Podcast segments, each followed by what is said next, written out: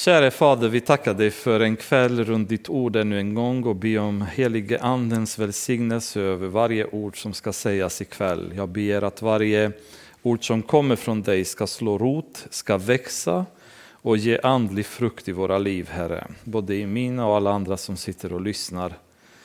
Jag ber att du ska välsigna var och en som med längtan kommer att få lyssna till ditt ord, Herre. Välsigna med allt som deras liv behöver, Herre för att leva närmare dig, ha ett mer eh, glatt och andefyllt liv, Herre, full av ledning, full av, full av ljus, Herre. Vi tackar dig för att du har velat uppenbara din vilja för oss. Ditt ord är inte någonting som är dolt och gömt, utan någonting som du har velat öppna så att vi förstår och att vi tar till oss det och lever därefter, Herre. I Jesu namn ber vi att du ska hjälpa oss att göra det ikväll och framöver också. Amen. Ja, ähm, Apostlagärningarna 17 tänkte jag att planen är att vi ska hinna med hela kapitlet ikväll. Och jag hoppas att vi kan göra det. Ähm, ni kommer ihåg i 16 kapitlet så avslutade vi med att Paulus, eh, Silas och Timoteus, de ehm, var i Filippi och sen var på flykt därifrån på grund av oroligheter. Då. Efter en, att en liten församling hade eh, kommit upp där i Filippi, en församling som kommer växa och bli en av de trevligaste församlingarna som Paulus kommer skriva något brev till. Ett brev full av glädje och uppmuntran och positivitet. En församling också som har hjälpt Paulus eh, ekonomiskt väldigt mycket när han befann sig i situationer då hjälp behövdes, inklusive när han var i Thessaloniki till exempel, som han kommer vara nu. Men eh, vi börjar med kapitel 17 och så eh, kommer vi navigera ett antal mil eh, genom det bibelstudiet tills eh, vi kommer till slut, slutplatsen för eh, kapitel 17 och det är Aten. De tog vägen över Amfipolis och Apollonia och kom till Thessalonike där judarna hade en synagoga. Så ehm, då var vi här uppe vid Filippi och nu ser jag, nu har jag inte mina distansglasögon, men man kommer ju från Filippi här till Thessalonike via Amfipolis och Apollonia, så man följer en handelsväg då som som fanns och var en väldigt känd handelsväg. Eh, avståndet mellan Filippi och Thessaloniki var ungefär 16 mil då. Så det måste ha tagit ett antal dagar för dem att ta sig ner till Thessaloniki. Eh, Thessaloniki var vid den tiden eh, Makedoniens huvudstad och eh, största handelscentrum i områdena. Ett ganska Storstad, en stad som finns även idag som heter Salonik eh, på grekiska. Ehm, och med undantag för Korint så var det inga andra städer som var så mäktiga handelsstäder då som Thessaloniki var på den tiden. Så han kommer till en relativt välkänd och stor stad som dessutom var vad man kallade på den tiden en fristad. Så romarna hade kontroll över hela Grekland. Men inom eh, imperiet så fanns det ett antal fria städer som hade en viss autonom autonomt sätt att regera sig själva, det vill säga de valde själva sina statsfullmäktige, de kunde använda egen valuta, så de behövde inte nödvändigtvis använda romerska pengar. Och så hade de ingen romersk garnison i staden. Så man kan säga att de var under romersk ockupation men hade väldigt mycket självstyre. Då. Och det var en fristad i Thessaloniki, så det var en eh, ganska så utpräglat hednisk stad med mycket grekisk befolkning som bodde där. Och ehm, eh, Paulus så eh, på vägen dit, han kommer till Thessaloniki och där hade judarna en synagoga. Och sin vana trogen så besökte Paulus dem som han brukade, står det i vers 2. Och under tre sabbater samtalade han med dem utifrån skrifterna och förklarade och visade att Messias måste lida och uppstå från de döda. Och han fortsatte. den är Jesus som jag förkunnar för er, han är Messias. Så det han gjorde när han kom in där var att börja samtala med judarna i synagogan. Eh, men det stannade inte bara vid samtal, det vill säga kanske inte satt vid fikabordet och diskuterade väder och vind och grannar som Elise sa att vi kanske ska undvika att göra när vi träffas. Utan de samtalade och han förklarade skrifterna för dem. Så de, de träffades och diskuterade andliga ting ur skrifterna. Och i denna process så började Paulus förklara ehm, vem Messias var, vem Jesus var och gå in på djupet för att förklara för dem texterna ur Bibeln, eller ur skrifterna på den tiden. Hela Bibeln var inte skriven än.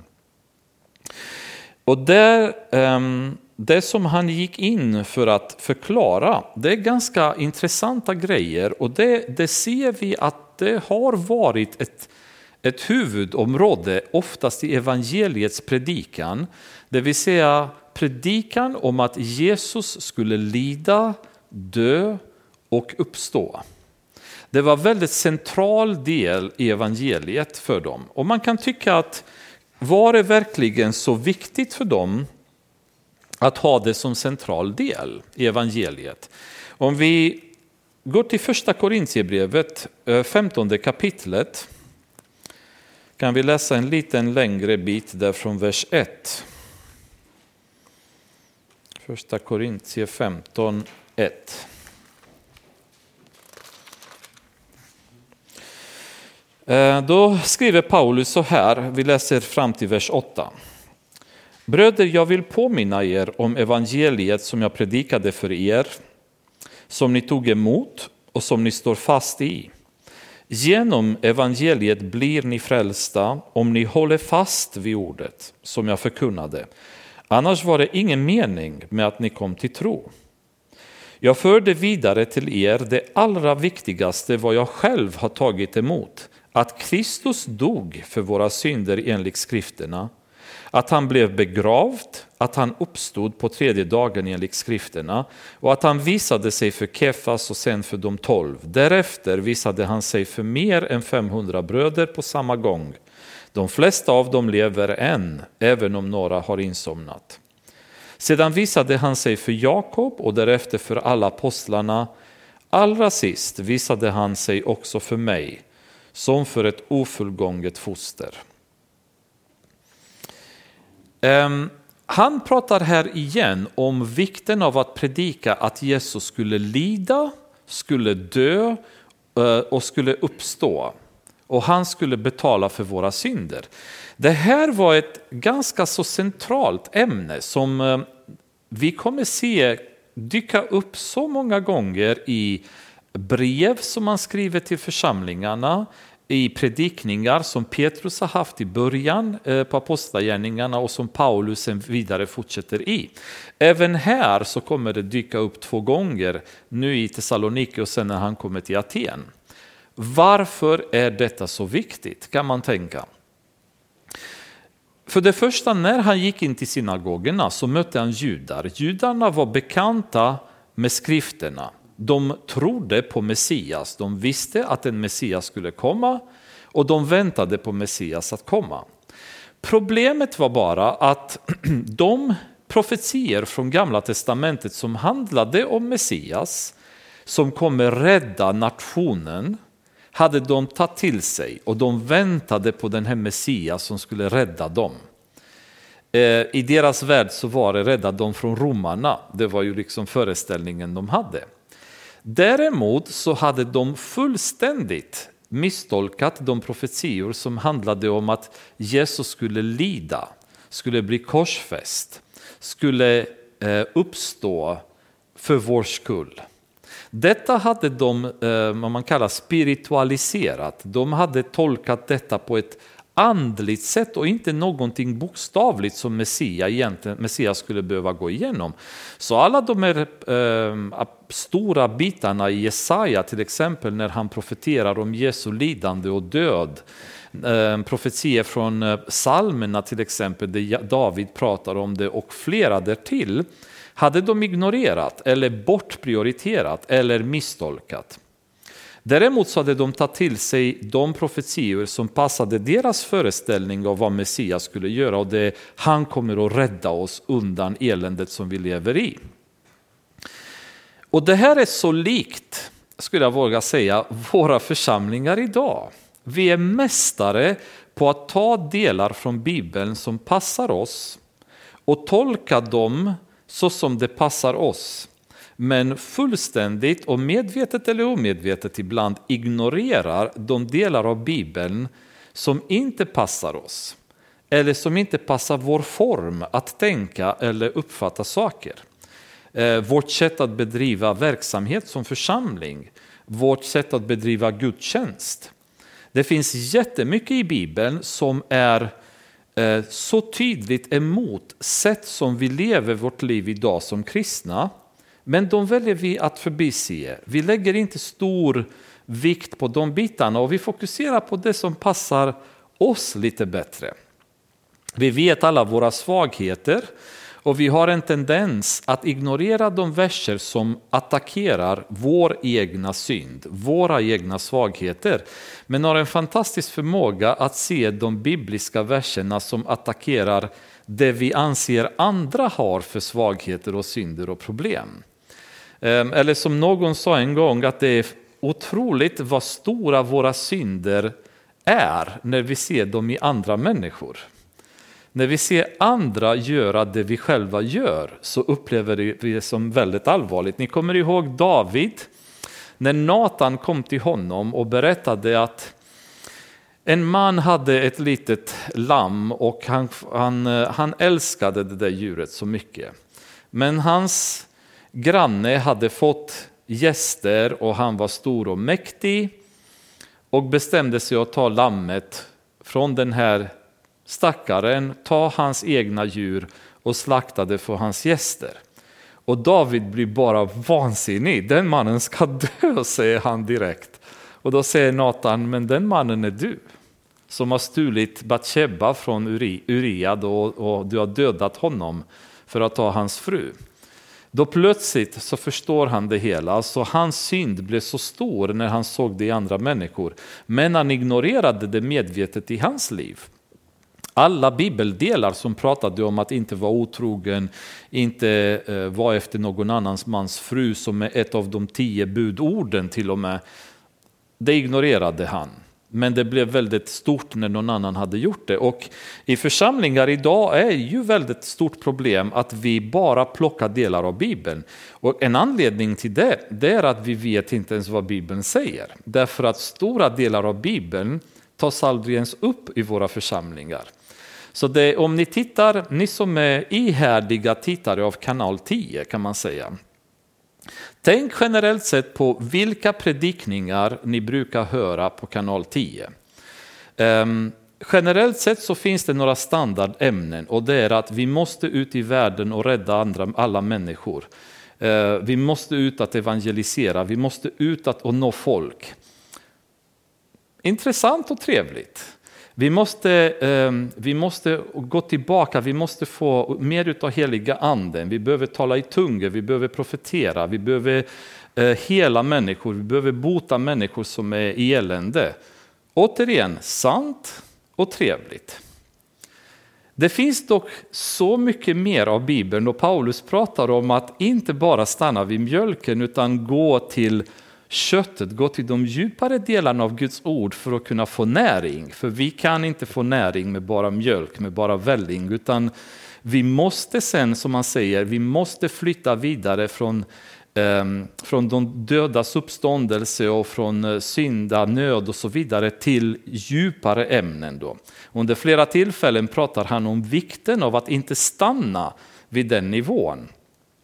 Ehm, jag pratade med Kevin idag och det, det är ju en, en, en, linje som jag själv väldigt mycket um, håller med och det är att det finns väldigt mycket tematiska predikningar idag. Det vill säga vi predikar om kärlek.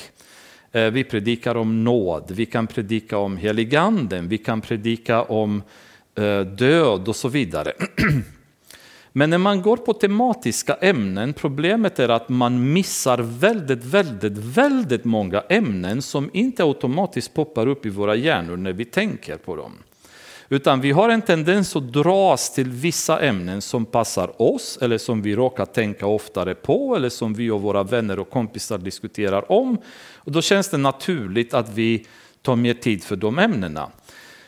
När man går från tematiskt till, eh, till vad man kallar för induktiv bibelstudium, då tar man bibeln så som vi gör ikväll, vers för vers och går igenom allt som Gud har lagt ner. Det tvingar oss att vara ärliga mot oss själva och inte skippa de områdena som är jobbiga, som är obekväma eller som går emot till och med det vi tror på eller gör idag. Vi är tvungna och diskutera dem, vi är tvungna att avhandla dem och se vad vill Gud med oss som församling. Och det är ju någonting som är väldigt spännande att Paulus går in till synagogorna och märker att ni har ignorerat stora delar av vad Messias handlar om. Och det det handlar om det är att han skulle lida, han skulle dö och han skulle uppstå för vår skull. Så läran av Messias lidande och död och uppståndelse var central i början på församlingen för att kunna förklara för judarna att ni har missuppfattat totalt den det handlar om Messias. Idag om man frågar judarna ehm, hur kommer ni veta när Messias kommer? Det standardsvaret man får från dem det är han kommer hjälpa oss att bygga templet. Förstår ni det farliga i det svaret? Därför att när man börjar gå i Uppenbarelseboken, till viss del Hesekiel, så ser vi att den som kommer att hjälpa judarna att bygga templet kommer vara antikristen. Det är han som kommer förmedla och medla möjligheter för judarna att återbygga sitt tempel. Och det förklarar varför de kommer acceptera honom som Messias tills han kommer sätta sig i allra heligaste och proklamera sig, sig själv som Gud. Det är då deras ögon kommer öppnas, det är då de kommer förstå att de har blivit lurade. Men totala misstolkningen att de eh, gamla testamentaliska verserna om Messias kommer leda till Israels stora vedermöda som de kommer gå igenom i Uppenbarelseboken på grund av att de har tagit fel på de verser som handlade om Messias. De har inte velat tolka dem och de har misstolkat dem i den, den mån de har försökt. Faktum är att dessa verser idag undviks väldigt mycket av eh, Eh, rabbinerna i Israel. De talas i princip inte om. De, de delar som tydligt visar att egentligen Jesus är den som har uppfyllt Jesaja 53 till exempel. Och så vidare. Många andra stora delar av gamla testamentet. De undviker att läsa dem. Därför att det är så tydligt en uppfyllelse av de här verserna genom Jesus Kristus, så de undviker läsa dem. Men de kommer tro på Messias när Messias kommer vara den som hjälper dem att bygga, bygga upp templet. Läser man vidare i första Korintierbrevet kapitel 15, om vi bara eh, hoppar några verser från vers 8 till vers 16, så står det så här. För om döda inte uppstår har inte heller Kristus uppstått. Men om Kristus inte har uppstått, då är tro meningslös och ni är fortfarande kvar i era synder. Och i så fall är de som insomnat i Kristus förlorade. Om det bara är för detta livet vi har vårt hopp i till Kristus, då är vi de ömkligaste av alla människor. Så Paulus menar också på att uppståndelsen är avgörande för vårt hopp som kristna. Genom att tro på att det finns en uppståndelse så vet vi att det finns en dag när vi kommer stå inför Gud och kommer stå till svars för det liv som vi har levt och en dag när vår tro kommer få en belöning.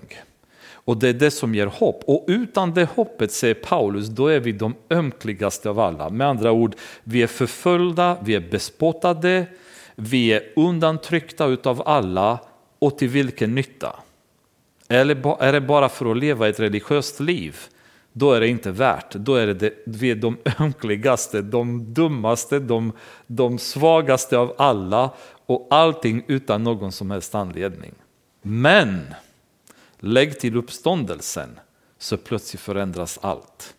Då vet vi att vi lever inte för detta liv. Målet är inte att uppnå någonting här utan målet är att vi kommer på andra sidan. Vi kommer i Guds rike när allting kommer vara vårt. När vi kommer vara som Gud, vi kommer få nya kroppar, vi kommer ärva jorden. Vi kommer ha möjlighet att leva i evighet, aldrig med tårar, aldrig med hunger, aldrig med smärta längre. I ljus från mörkret och så vidare. Med det hoppet då blir plötsligt våra liv lätta att, att leva. Umbärandena blir lätta att hantera. Men utan uppståndelsen, då är vi ömkligaste av alla. Så jag tror också att det är väldigt bra för oss i diskussioner med vänner om Jesus att vi ska inte vara rädda att betona vikten att det finns ett liv efter döden. Det tar inte slut där. Därför att människorna som inte har ett hopp efter döden får ibland existentiella tankar som är väldigt allvarliga. Det är väldigt många som begår självmord därför att de inte ser någon mening med livet. Men om man förstår att meningen med livet här är att behaga Gud, att leva efter hans vilja för att sedan ha en evighet med honom, då plötsligt blir något helt annat. Det finns ett hopp, det finns ett mål, det finns ett ljus som man kan jaga med sitt liv snarare än bara leva meningslöst. Fransmännen har en, ett talesätt som, som säger vivre pour vivre, att leva för att leva. Inget mål, inget syfte, vet inte varför jag är här, vet inte var jag är på väg, jag bara finns. Den här tanken kan få människor att bli tokiga. Det, det skapar en desperation därför att eh, längtan efter Gud är implanterad i människans hjärta från födelsen, från skapelsen. Och att ta bort den och ersätta den med meningslös tillvaro, det gör att människorna blir olyckliga. Och vi har ju eh, predikaren som pratar om att jaga efter vinden, man jagar rikedomar, man jagar underhållning, man jagar det ena efter det andra och sen kommer man fram och så märker man att det är tomt. Jag har upplevt det till, med vårt jobb till exempel, jag gillar alltid att ha ett mål i mitt arbete. Vad vill jag uppnå? När vill jag uppnå detta för att ha en motivation, för att veta hur jag ska planera min strategi, hur ska jag jobba och så vidare. Men det är ganska så, så tragiskt när man uppnår sina mål. För då kan man stå där och känna bara, aha, nu har jag kommit hit, nu har vi gjort detta, men det känns inte så mycket häftigare än det kändes för tre år sedan när jag satte upp de här målen. Och det har varit något som har hållit mig igång, som har hjälpt mig att arbeta och så. Men det är ändå tomt. Så det är ju mål som kan uppnå någonting i vårt arbete, men det ger ingenting till min själ. Så den som har sin själ i karriär, i pengar, i förlustelser, i underhållning, i vishet, i, i denna eh, världens vishet, kunskap.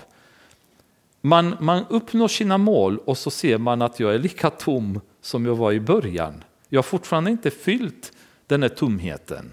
Bara om jag hittar rätt person i mitt liv och gifter mig med rätt man eller kvinna, oh, då är det fantastiskt. Och det är det under smekmånaden och så vidare. Sen börjar friktioner och det börjar bli problem och så känner man bara, aha, så det var inte allt liksom. Det finns mer till livet än det där. Ja, men om vi får barn då får det liksom, allting bli fantastiskt. Och det blir det. Men det är ändå inte meningen med livet. Liksom. Det finns mer till livet än det. Så hela tiden så konstaterar man att vi behöver mer. När vi förstår att uppståndelsen är på riktigt. Det här livet tar inte slut vid graven. Och vår planering ska inte handla om det här livet utan det ska handla om nästa liv. Det är då det blir fyllt med ande, med glädje, med mening. För då plötsligt är vi inne i Guds vilja. Och Paulus är väldigt noga med att få fram detta med judarna och börja prata om Jesu lidande och uppståndelse med dem. Några av dem blev övertygade och anslöt sig till Paulus och Silas. Därtill kom ett stort antal greker som vördade Gud och inte så få kvinnor av förnäm släkt. Så det blir en, en väckelse här igen, både bland judar, greker och en stort, ett stort antal höguppsatta kvinnor. Återigen.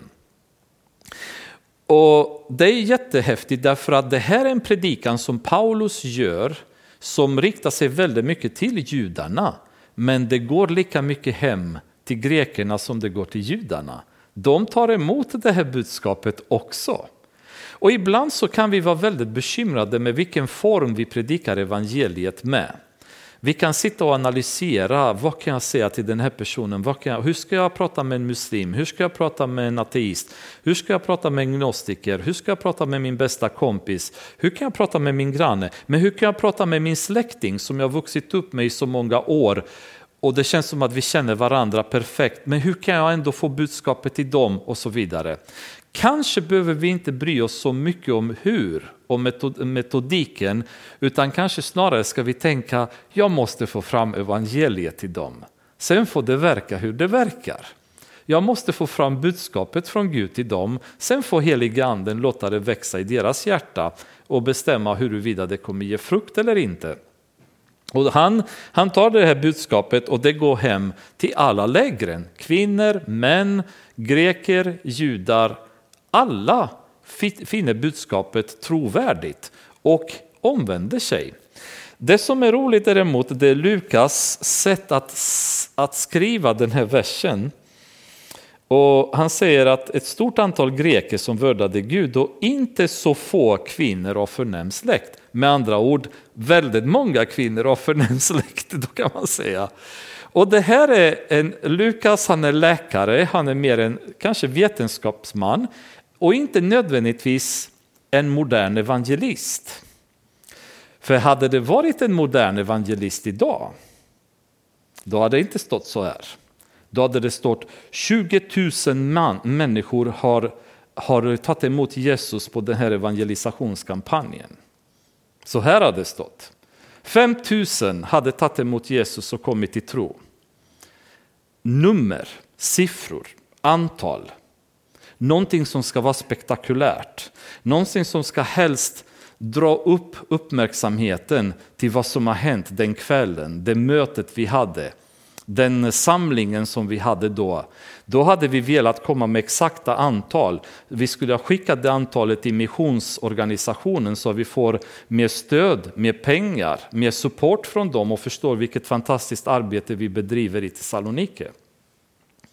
Men ödmjukheten i Lukas eh, vers är ju är så på något sätt eh, skamframkallande för modern evangelism som är permanent sifferfixerat. Och Gud bevare oss från att vara sifferfixerade i vår församling. Det har ingen som helst betydelse. Och jag har sagt det förut och säger det många gånger till kommer jag säga. Vi är de pastorer vars verksamhet i församling är baserad på siffror. Det är de som är dömda att misslyckas, falla, gå in i väggen, inte orka. Det handlar inte om siffror. Det handlar om vad Gud gör med varje själ som kommer till tro.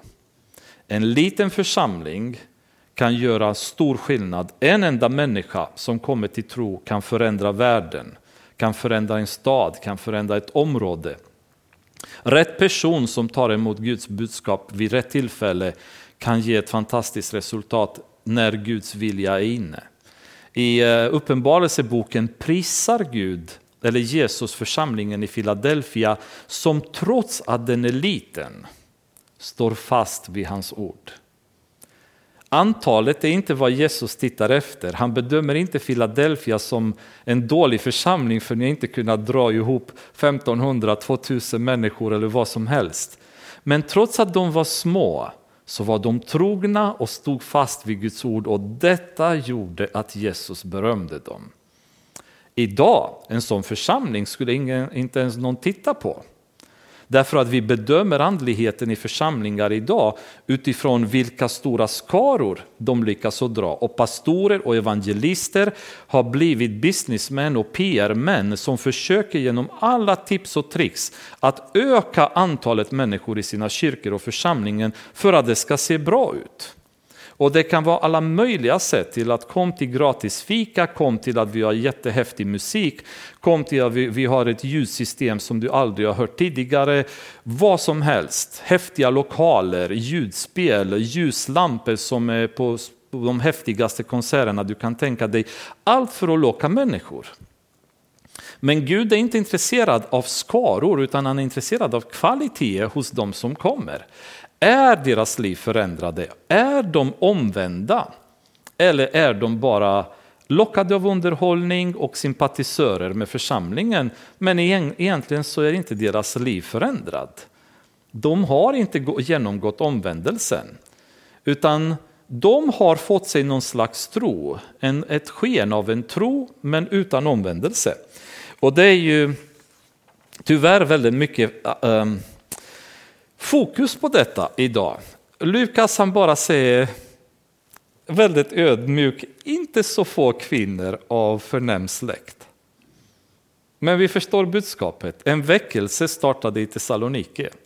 På ett väldigt ödmjukt sätt beskrivet, människor har börjat strömma till tron. Vi läser sen om vi läser eh, Paulus epistlar till kyrkan i Thessalonike. Vilka fantastiska ord han har att berömma dem för deras tro, deras kärlek, deras uthållighet, deras sätt att leva i, i samhället och sättet de hade predikat evangeliet över hela Makedonien bland annat och så vidare.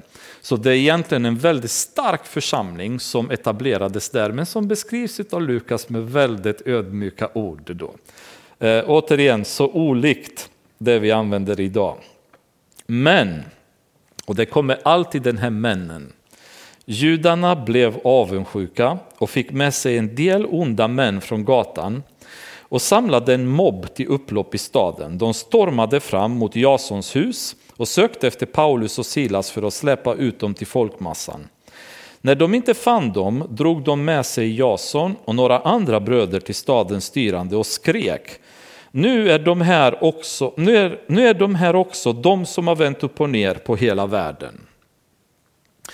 Judarna gör uppror, men de gör inte uppror för att de i samtal med Paulus har kommit fram till att hans sätt att resonera var obibliskt. Utan de blir avundsjuka. De ser att människorna omvänder sig, de finner Jesus, de, de förstår vad Paulus förklarar och tar till sig bibelordet och blir frälsta. Och istället för att glädjas så blir de avundsjuka. Och det är ju precis det som, som har varit ett problem i kristenhet under en lång period. Det är att med vi tar länder med, med där fallna församlingar som katolska kyrkan, ortodoxa kyrkan och så vidare. Bland de största motståndarna församlingar har i sådana länder, det är kyrkan själv, den apostatiska församlingen som är fallen.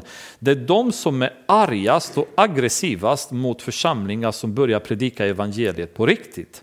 Det är att de, de förstår att människornas ögon öppnas, de kommer till tro, de kommer lämna deras församlingar för de förstår att de har blivit lurade under så lång tid eller utnyttjade.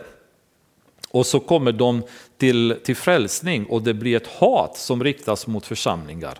Vi har Rysslands situation som pågår, men i Ryssland till exempel ortodoxa kyrkan har gått väldigt hårt åt protestantiska församlingar som har bedrivit evangelistiskt arbete. Därför att de menar på att ryska befolkningen är redan frälst och de har inte där att göra mer. Då. Och likaså i många katolska länder där frikyrkorna utstår väldigt mycket förföljelse. Och det är på grund av att sanningen kommer fram och lögnen avslöjas och de blir avundsjuka på den framgång som evangeliet alltid har när det kommer in i ett område. Då. Ehm, och de, de är ju väldigt arga och hittar på lögner nu igen eller falska anklagelser. Men det är intressant att den anklagelsen de kommer med är egentligen så underbar. De kommer att säga nu är de här också de som har vänt upp och ner på hela världen. Och nu är vi i Thessalonike så att det här är ju ganska långt område från centrum här, där det var Jerusalem, Antiochia, där det var de starka centrerna. Nu är vi hela vägen här. Ändå så är församlingens rykte, det har gått före dem redan. Man vet att det har kommit tron på Jesus, människor som lever i tron på Jesus och de har vänt upp och ner på hela världen. Är det som någon sa att de har snarare vänt ner och upp på hela världen. Att församlingen har rättat det som har varit trasigt tidigare. Det som har varit upp och ner har församlingen fått istället på rätt ställe. Så eh, de får en anklagelse som egentligen är ganska häftig. Och det, man får hoppas att om vi någon gång upplever förföljelse själva, att det här är ju den anklagelsen vi får. Att vi måste ge oss på Pingstkyrkan i stöpen för de har vänt upp och ner på hela världen. Förstår ni vad fantastiskt det vore att få den här anklagelsen riktad mot sig. Stora rubriker i Aftonbladet. Vi hatar Pingstkyrkan i stöpen för de har vänt upp och ner på hela världen. För många människor blir frälsta där. För många kommer till tro på Jesus. De har ett liv som har gjort att de har förändrat Sverige och vi hatar dem och vi vill få bort dem. Det där skulle jag vilja verkligen uppleva. Och då, då förstår man glädjen när Jesus säger, var inte bedrövade för att människor hatar er. Vi ska vara glada när de gör det, därför att det betyder att vi har gjort något bra. När världen älskar oss, då har vi ett stort problem. När världen hatar oss, då har vi gjort något jättebra. Och de är riktigt hatade för att de har vänt upp och ner på hela världen. Och Jason har tagit emot dem. De gör tvärt emot kejsarens påbud allihop och säger att en annan kung, en annan är kung, en som heter Jesus.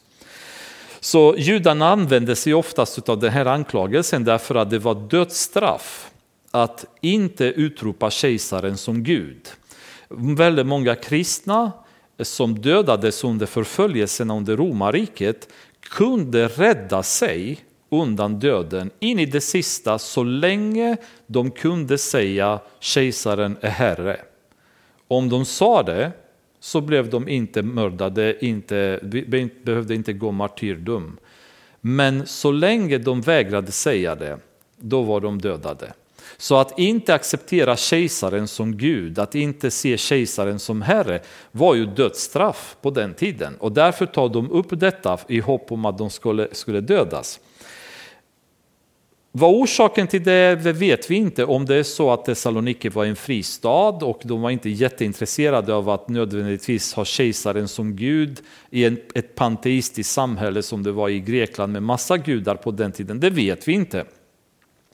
Men folket och de styrande blev oroliga när de hörde detta. Och de lät Jason och de andra betala borgen innan de frigavs. Så med andra ord, Inget straff, ingenting. De satt inne lite grann, betalade borgen och så var de frisläppta därefter. Redan samma natt skickade bröderna iväg både Paulus och Silas till Berea. Så snart de kom dit gick de till judarnas synagoga. Så de gick eh, en liten, liten bit från Thessalonike till Berea som var nästa lilla stad nedanför. Och där Återigen, Paulus går raka vägen in i synagogan som han alltid gör. Folket där, vers 11, var öppnare än de i Thessalonike. De tog emot ordet med stor villighet och forskade varje dag i skrifterna för att se om det stämde. Folket i Berea det är mina favoriter. Folket i Beria ska vara folket i pingstförsamlingens stöpen. Det vore drömmen om vi skulle vara precis på samma sätt.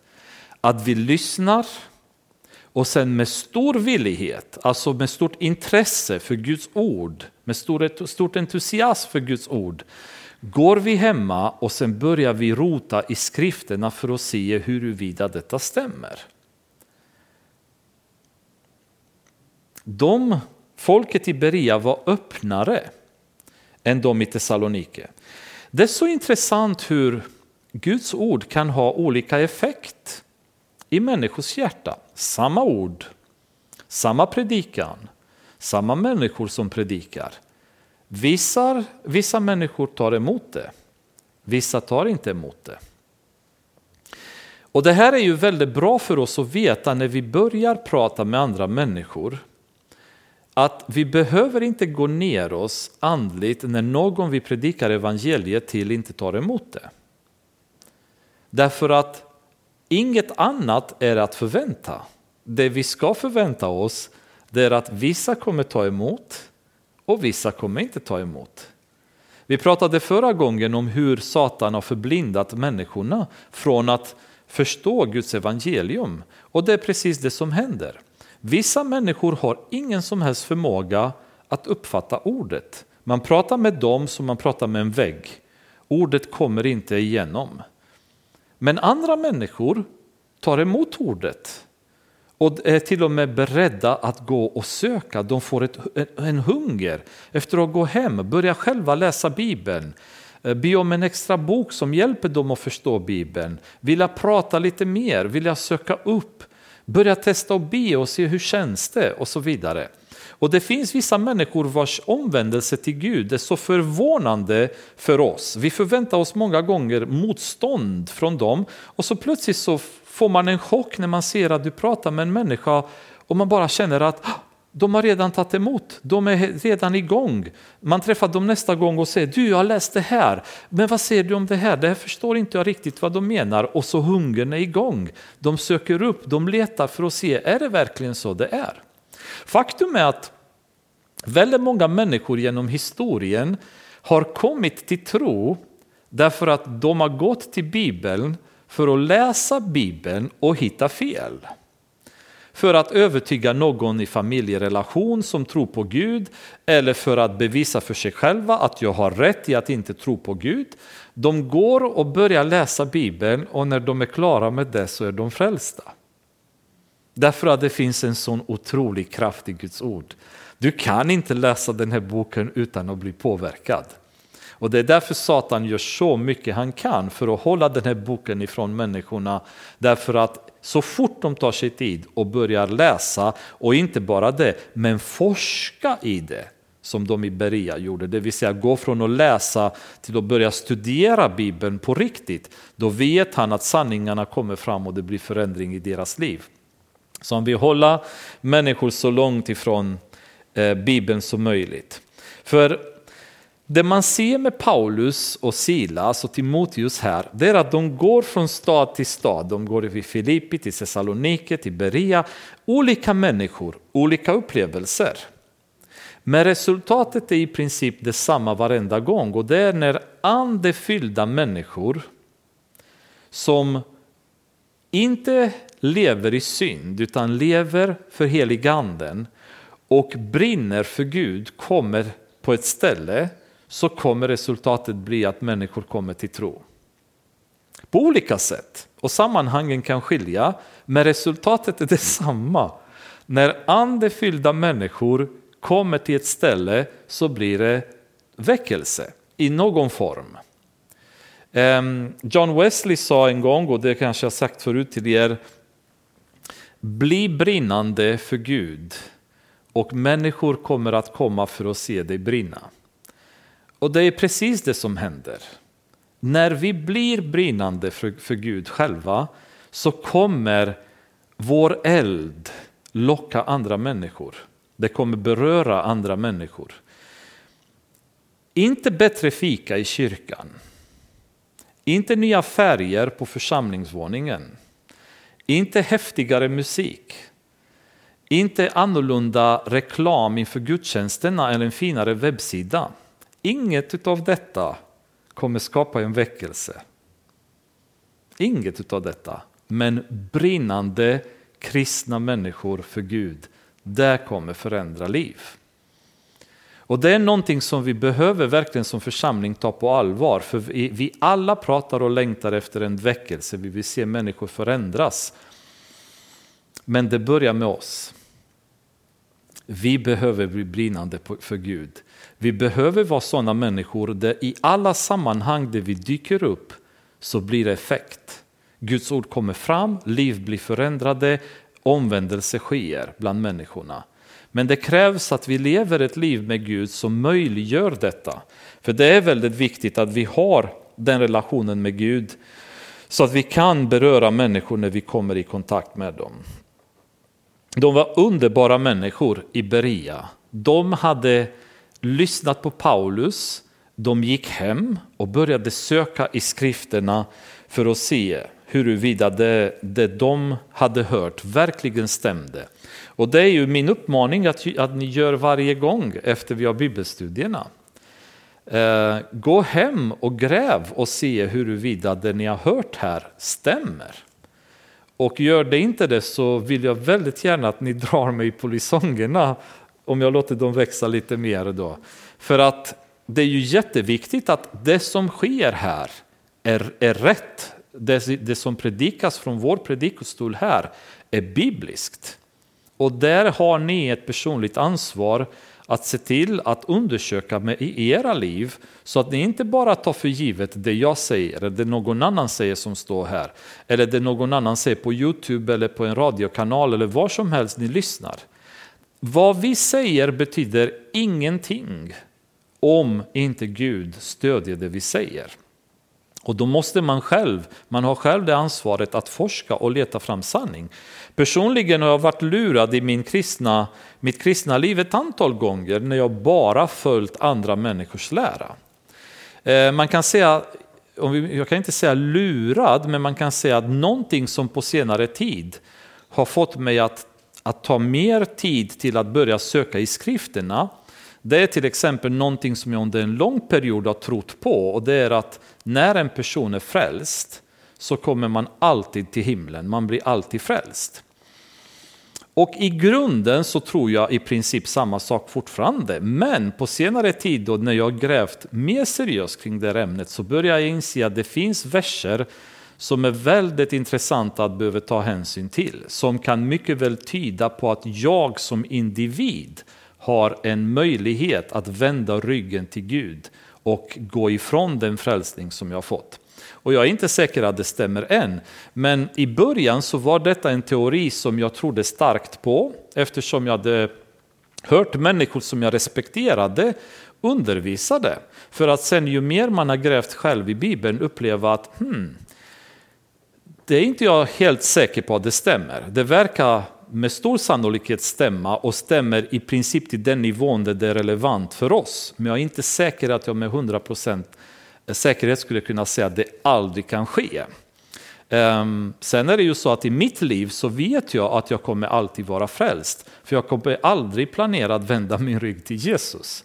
Och det är enda situationen då potentiellt jag skulle kanske kunna förlora min frälsning. Och det planerar jag definitivt inte att göra. Men om någon annan gör det, då är det en fråga. Men det är ju en, en, ett annat tema vi kan ta en annan gång. Men det är en sån här grej som för mig under senare år har varit viktigt att, att börja gräva, forska, leta reda på mer fakta kring Guds ord och se verser i sammanhang och vad kan det betyda. För att inte bli lurad och inte undervisa någon annan någonting fel. Så någon tror att man är säker när man inte är osäker. Det finns en sån här tillfälle med de tio jungfrurna där alla hade olja i lamporna men fem gick med, fem gick inte med. Sådana delar har varit sånt som har fått mig numera att gräva lite mer. Och det är därför att Plötsligt så har jag känt att jag kan inte ta någon annans lära. Jag kan inte bara tro vad någon säger oavsett hur spännande den predikanten är eller kunnig verkar vara. Jag har ett eget ansvar att forska i Guds ord och leta fram sanningen och be till Herren att han belyser hans vilja för mig. Och detta har jag gjort under flera tillfällen och ingen gång då jag gjort det har det varit dåligt. Utan de svar och de upplevelser som jag haft från Gud i egen forskning av hans ord i bön med honom har varit helt fantastiska. Och det är öppet för vem som helst av er. Han stänger inte dörren. Ni behöver inte vara grekisk kunniga eller hebreisk kunniga eller vad som helst. Utan ni behöver ha en vilja att forska i hans ord och söka honom i bön. Så öppnar han upp hans ord så att ni förstår det. Och det är väldigt viktigt för dem i Berea att göra och det bör vara ljuset i vår församling i stöpen. Jag blir väldigt rädd i vår församling när i beslut vi tar, vi diskuterar utan att ha bibelordet hundraprocentigt som grund. Var noga med att aldrig göra det. Vad vi än diskuterar om, vad vi än behöver besluta kring, allting måste baseras på Guds ord. Vad säger Bibeln om detta? Inte vad har någon annan församling gjort eller vad säger de på något annat ställe? Eller vad säger någon predikant? Eller jag har sett ett program på tv som har sagt det. Jag har läst en bok som jag tyckte var väldigt spännande. Trevligt, intressant, kan vara bra kunskap, men det enda som vi ska döma eller bedöma efter det, vad säger Bibeln? Och det enda vi kommer stå till svars inför Gud, hur seriöst har vi tagit hans ord? För han har ju gett det till oss för att vi ska leva efter det. Och de i Berea, de var öppnare än de i Thessalonike. De tog emot ordet. Därför att när de forskade såg de att det Paulus säger stämmer. Och då tog de emot ordet. Och varje dag letade de i skrifterna. Många av dem kom till tro. Likaså ett stort antal ansedda grekiska kvinnor och män. Intressant här igen, de här ansedda kvinnorna. Permanent dyker de upp. Kvinnor, många, många, många kvinnor som kommer till tro. Och det är jättekul, jättespännande att se vilken befrielse kristna religionen har varit för kvinnor. Man kan säga också, hur skulle kvinnornas liv hade varit idag om inte hade varit för Jesus? Titta på andra religioner. Enda delen av världen där kvinnorna lever fritt, det är den kristna delen. I alla andra religionerna, i muslimska delen, i, eh, asiatiska delen och så vidare, människorna, eller kvinnorna är mycket, mycket mer förtryckta, nedvärderande.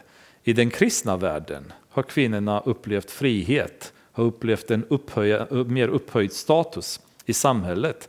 Så man förstår varför kristenheten till viss del var tilldragande för de här kvinnorna att förstå att, att det fanns mer än det här, den här kulturen de levde i. För i grekiska filosofin, eller grekiska samhället, kvinnan var bara lite högre än en slav.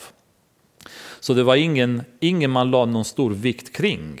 Utan en grek skulle ha en älskarina kunna, för, för att kunna använda det för sexuella förlustelser. Man skulle ha en eskort som man kallar idag en snygg kvinna som han skulle ha när man gick på kalas eller fester och så vidare. Och sen skulle man ha en fru för att kunna eh, föda hans barn och ta dem vidare. Det var ungefär fruns roll. I övrigt så hade de andra kvinnor som de nyttjade för de finare tjänsterna. Frun var förpassad till hemmet till att föda barn och ta hand om dem och ingenting annat. Och det är ju kanske någonting också som gjorde att många kvinnor upplevde befriande, befrielse att kunna komma till tron på Jesus och förstå att vi, vi blir fria här och vi får ett evigt liv därefter, vilket de inte hade annars. Men när judarna i Thessalonike fick veta att Paulus förkunnade Guds ord också i Berea kom de dit och spred oro och hetsade upp folket. Bröderna sände då genast iväg Paulus ner mot kusten, men Silas och Timoteus stannade kvar där.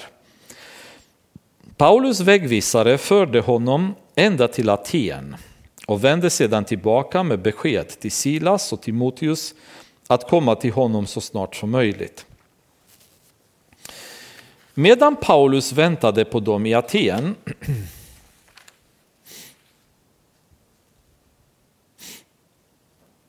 blev han upprörd i sin ande när han såg hur full staden var med avguda, eh, avgudabilder. Aten var den världens kulturhuvudstad. Det är där kan man säga världens intelligensia från olika nationaliteter samlades. Eh, innan den här tiden så hade Aten ehm, haft de stora filosoferna som hade präglat den grekiska filosofin, Aristoteles, Sokrates och så vidare. De hade Eh, stått kan man säga för den världens filosofiska tänk. Människorna samlades där för att diskutera existentiella frågor, livsfrågor, filosofera kring allt mellan himmel och jord. Det intressanta är dock att Aten, som var ett centrum där upplysta människor samlades, var en stad full av avgudabilder. Hur kommer det sig? Hur kan människor som är intelligenta och upplysta tillbe avgudar, en sten, en träbit, säger Jeremia. De kan inte tala, de kan inte höra, de kan inte gå. Hur kan en människa som är upplyst, smart, intelligent, vetenskaplig, hur kan en sån person tillbe en avgudabild, en ikon, en tavla? Hur kan de, hur kan de göra det? Hur kan man tillbe teorier som är helt absurda? Hur kan en människa som är intelligent idag acceptera evolutionsteorin som säger att allting har kommit ur ingenting, vilket är ju ingenting som är logiskt i den här teorin. Det finns inget bevis, det finns ingen logik. Det finns ingen möjlighet att ens med mänskliga mått mätt resonera sig kring att det kan fungera. Men människor idag som betraktar sig själva som intelligenta och upplysta, de tillber evolutionsteorin som en religion idag. Och anser att det är helt normalt, det är självklart att människan kommer från en groda eller kommer från en eh, gås eller från en fisk eller vad som helst. En amöba någonstans som har utvecklats. Och, då, och de, de säger att det, men det är ju självklart, bara det har gått tillräckligt med miljoner år emellan så är det fullt möjligt. Det är fullt möjligt att en hund som springer på torget i Skövde idag har blivit en elefant om några år därför att det har kommit lite kosmisk strålning så har han blivit större och vuxit en, en svans som är annorlunda och stora öron och snabel och så vidare. Det fattar man vem som helst. Det enda du behöver det är bara lite extra radioaktivitet och kanske eh, någon mutation i hans gener så blir han elefant. Och hela DNA-koden dessutom förändras. Det här är det intressanta. Hela DNA-koden är kod. DNA är en kodifierad, ett kodifierat system som finns i människan. I, I varenda varelse. Och det finns ingen DNA som är den andra lik. Du kan inte ta DNA från en hund och få det att passa med DNA från en elefant eller en DNA från en räv eller vilket annat djur som helst. Och likaså kan man inte ta mänsklig DNA och anpassa det till något djur. Faktum är att du kan inte ta mänsklig DNA och få det att vara samma med en annan människans DNA. Varenda människa har sin egen kod, sin egen genetik som Gud har implanterad i varenda människa sedan födseln. Och det går inte att ens matcha detta. Det går inte att få någon DNA av vad den andra DNA lik. Så hela genetiska samhället, när DNA-koderna har kommit fram, borde de här smarta upplysta människorna ha förstått direkt att Gud har skapat världen. För du kan inte ha en högutvecklad kod utan att en kodskapare finns bakom. Vi kan inte ha de häftiga datorprogrammen vi har idag utan att programmerare har suttit bakom och byggt upp de här programvarorna så att våra datorer kan fungera på det avancerade sättet de gör. Men de här upplysta människorna vi har idag som kallas vetenskap, vetenskapsmän, de intelligenta människorna, de säger bara att men det är självklart vi får tro på sånt. Det finns ingen förklaring. Nej, men vi får tro. Hur kan allt detta ske? Hur kan dessa intelligenta människor som bodde i Aten ha en stad som var full med avgudabilder? Som de dyrkade, som de ärade, som de respekterade, som de offrade till, som de bad till, samtidigt som de påstod sig själva vara intelligenta och smarta och upplysta. Och är det inte så mycket så idag? Det känns som att ju högre utbildning människorna har idag, desto aggressivare tenderar de, att vara mot kristna tron. Har ni tänkt på det? Högskolor och universitet är bland de mest kristet fientliga organisationer i hela världen, inte bara i Sverige, i alla länder är högskolor och universitet ett centrum för antikristendom som propageras väldigt högt. I USA finns det till och med väldigt mycket eh, många kristna som vägrar skicka sina barn just på högskola och universitet därför att det är som en hjärntvättarmaskin för att tvätta bort kristendom och tron ur deras hjärnor och omprogrammera dem till att tro på evolution och all möjlig idioti som de kommer med istället. Och det är de mest intelligenta människorna som finns, tycker man med världsliga mått mätt. Men i, i Aten så var det just det problemet att i Roma, Romarbrevet kapitel 1 så säger Paulus att de eh, ehm, hur var det? Jo, vi kan läsa. Jag, jag kan det på rumänska och engelska, men jag kan inte det på svenska. Jag måste lära mig citera alla versen på tre olika språk, så det blir lättare. Men vi kan läsa istället. Romarbrevet 1, vers 22 kan vi börja med. Vers 22 till 25. Och ni vet att Romarbrevet 1 är egentligen ett kapitel som beskriver vårt samhälle idag, så det kan man läsa och ha det på väggen hemma istället för tidningsartiklar. Det säger Paulus så här, de påstod att de var visa, men de blev dårar och bytte ut den odödlige gudens härlighet mot bilder av dödliga människor, av fåglar, fyrfota djur och kräldjur. Därför utlämnade Gud dem åt deras hjärtans begär så att de orenade och förnedrade sina kroppar med varandra. De bytte ut Guds sanning mot lögnen och dyrkade och tjänade det skapade istället för skaparen, han som är välsignad i evighet. Amen. Genom att de påstod sig vara visa så blev de dårar. Och när de blev dårar, då blev allting möjligt. Allt ifrån de teorier de stödde till hur de levde sitt liv, sina sexuella begär och så vidare. Titta på konstnärer idag. När det är kulturnyheter på tvn då är det nästan att ni, ni måste byta program. Därför att det, varenda gång det är kulturnyheter, det är rena dyngan som vi matas med. Av dessa människor som kallas konstnärer.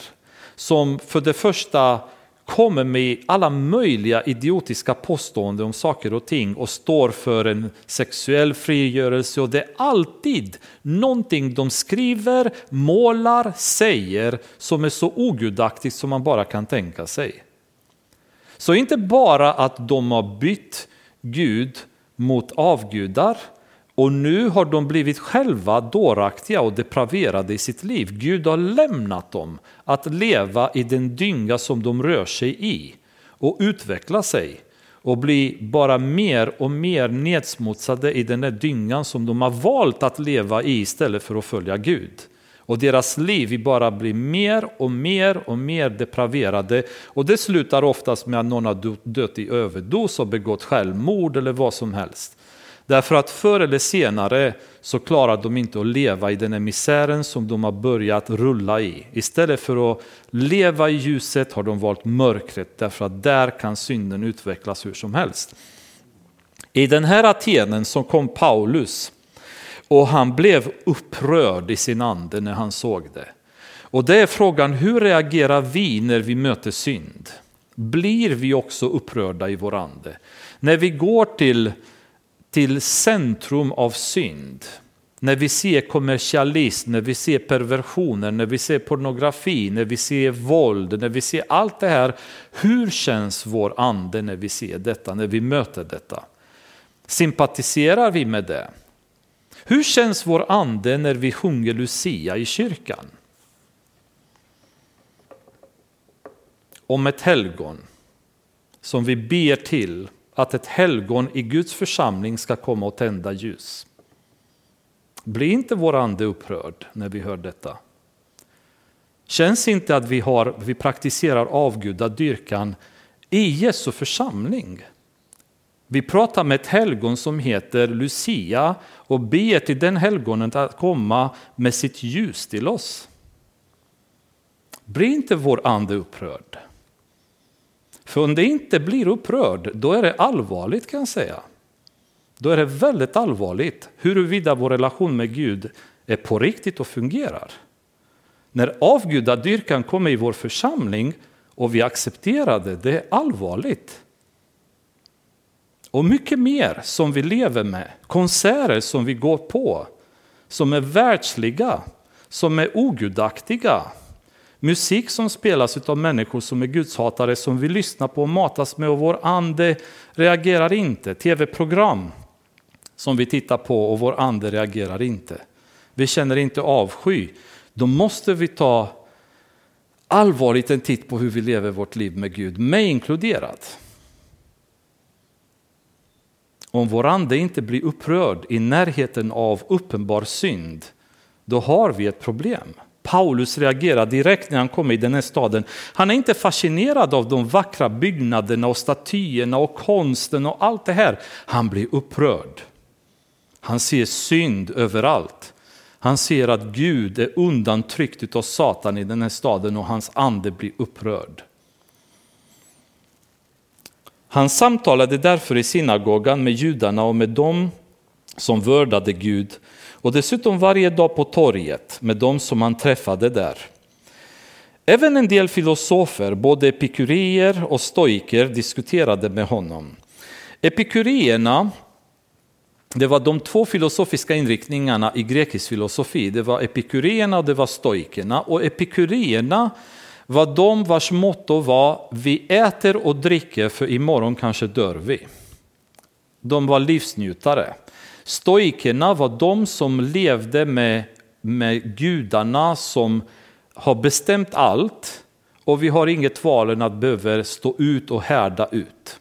Så de propagerade för viljestyrka, för moraliskt levande medan epikurierna propagerade för förlustelser. Så båda två de här kategorierna mötte Paulus på torget när han pratade med dem. De sa det så eftersom han predikade evangeliet om Jesu uppståndelse. Så även för dem Jesu uppståndelsen var predikad. oh, förlåt. Eh, även en del filosofer, både epikurer och stoiker, diskuterade med honom. En del sade, vad vill den här pratmakaren säga? Andra sade, han verkar vara en som förkunnar främmande gudar. De sade så eftersom han predikade evangeliet om Jesus och uppståndelsen. Och de tog med honom upp till Areopagen. Areopagen var en kulle där högsta domstolen i Aten var byggt på. Och sa det, kan vi få veta vad det är för ny lära du förkunnar? Det är märkliga ting du låter oss höra. Nu vill vi veta vad det rör sig om.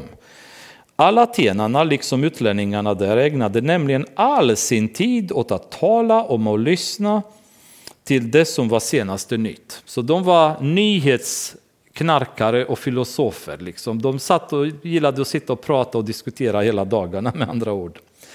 Paulus ställde sig då mitt på Areopagen och sade, Atenare, jag ser att ni på alla sätt är mycket religiösa.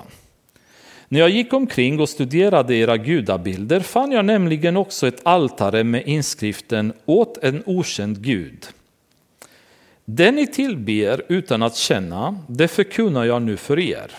Så bland alla dessa avguda altare så hittade han en altare där det stod åt en okänd gud. Och sådana altare tydligen fanns ganska många av, både i romerska riket och bland grekerna. Det finns till och med fornlämningar idag där man har hittat sådana altare. Och exakt anledningen till det, det är ingen som vet, men man tror att de gjorde det att utifall bland alla dessa hundratals gudar som vi tillber, om det råkar finnas någon som vi har missat, då bygger vi en altare åt honom också för säkerhets skull ungefär. Andra har andra berättelser till varför de här altarna har kommit, men vi vet i alla fall inte exakt varför. Men Paulus fångade och känner att mm, den här okände guden, honom ska jag tala om för er. Gud är den som har skapat världen och allt som finns i den. Han som är herre över himmel och jord bor inte i tempel gjorda av människohand. Han låter sig inte heller bekännas av människohänder som om han behövde något. Han som åt alla ger liv och anda och allt. Så bland alla dessa tempel och altare, han kommer nu och säger Gud bor inte i sånt. Han behöver inte det. Han har skapat allt. Så de hade gudar för allt möjligt. Eh, Gud för eh, regn, de hade Gud för strid, Gud för kärlek och så vidare. Det ni kommer se, Paulus går och gör Gud till Gud för allt. Istället för alla dessa gudar ni tillber, då ska jag tala om för er om guden som egentligen har gjort allt. Och det är ganska häftigt. Av en enda människa har han skapat alla människor och folk till att bo över hela jorden. Och han har fastställt bestämda tider så han är, han är tidernas Gud. Han bestämmer tiderna, vädret, åren och så vidare. Och gränser inom vilka de ska bo. Det gjorde han för att de ska söka Gud och kanske kunna treva sig fram och finna honom fast han inte är långt borta från någon enda av oss. Så allt detta har han skapat för att vi ska förstå honom, vi ska komma till honom och söka honom. För i honom är det vi lever och rör oss och är till. Så som även några av era egna skalder har sagt, vi är av hans släkt. Så i honom är vi allt det vi är. Utan honom är vi ingenting. Jesus säger det också, utan mig är ni ingenting. Är vi nu av Guds släkt bör vi inte tänka oss att det gudomliga liknar något av guld, silver eller sten. En bild som kommit till av mänsklig konst och fantasi. Gud har länge haft överseende med okunnighetens tider men nu befaller han alla människor överallt att omvända sig.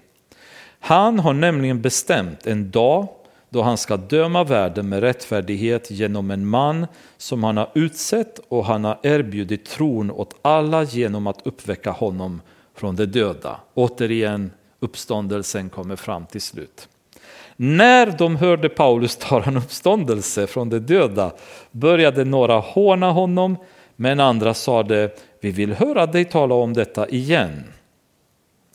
Samma budskap, olika människor, olika sätt att ta emot budskapet igen. Inte alla är intresserade, inte alla blir frälsta, men några alltid blir det. Med detta lämnade Paulus dem, men några anslöt sig till honom och kom till tro. Bland dem var Dionysius, som var medlem av Areopagen, så han var förmodligen domare där, och en kvinna som hette Damaris och några till. En liten församling då dyker upp i Aten också i denna onda och smutsiga stad. Men det var en, eh, en häftig resa som Paulus gjorde, som han mötte atenarna på deras egen grund. Han hittade det här altaret, därifrån började han inleda ett samtal med dem. Några accepterar honom, några hånar honom. Men en grupp kommer till tro även i Aten. Och så nästa gång går vi vidare till en av de mest syndiga och korrupta städerna i Makedonien, Korint. Herre, vi tackar dig för denna kväll och tack för ditt stöd, din förståelse för oss som kommer hit. Vi vill be, Herre, att din heliga Ande fortsätter att förvandla vårt liv så att vi blir ljus för stöpen, ljus för det här samhället där vi bor i, Herre, så att vi kan representera ditt namn inför folket. Ingen, inget annat namn än Jesus ska vara viktig i våra liv och på våra läppar när vi pratar med människor, Herre. Låt det här samhället bli berörd av din heliga Ande, Herre. Öppna de hjärtan som är låsta, Herre. Hjälp oss att kunna ha ord som är kraftfulla, som går rakt in i de hjärtan som du har förberett för evangelium. Låt oss inte bli missmodiga, låt oss inte tro att det är genom vår vishet, vår intelligens, vår förmåga som människor kommer att komma till tro, utan det är genom din heliga Ande och den platsen måste vi alltid ge dig, den äran måste du alltid få, Herre Jesus. Fader, vi tackar dig och ber återigen i Jesu namn att du lyssnar på våra böner. Amen.